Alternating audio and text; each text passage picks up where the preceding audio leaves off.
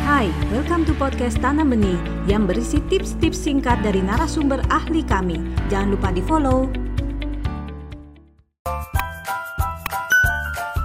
Kalau secara sosial emosional, menjelang kedua tahun anak semakin sering muncul aku, mau maunya aku, kalau mau ditolong aku aja. Nah, ini sebetulnya indikasi yang baik munculnya atau tumbuhnya dirinya dia, egonya dia bahwa dia mulai menyadari aku ini manusia yang berbeda dari papa dan mama. Kesadaran itu mulai muncul menjelang usia 2 tahun.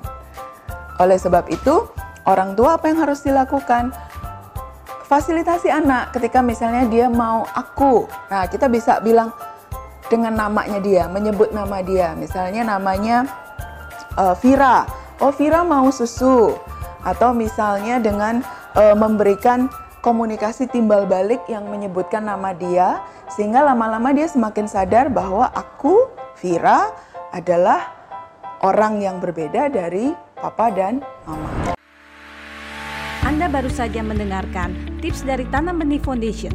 Mari bersama-sama kita terus belajar untuk menjadi orang tua yang lebih baik demi generasi yang lebih baik.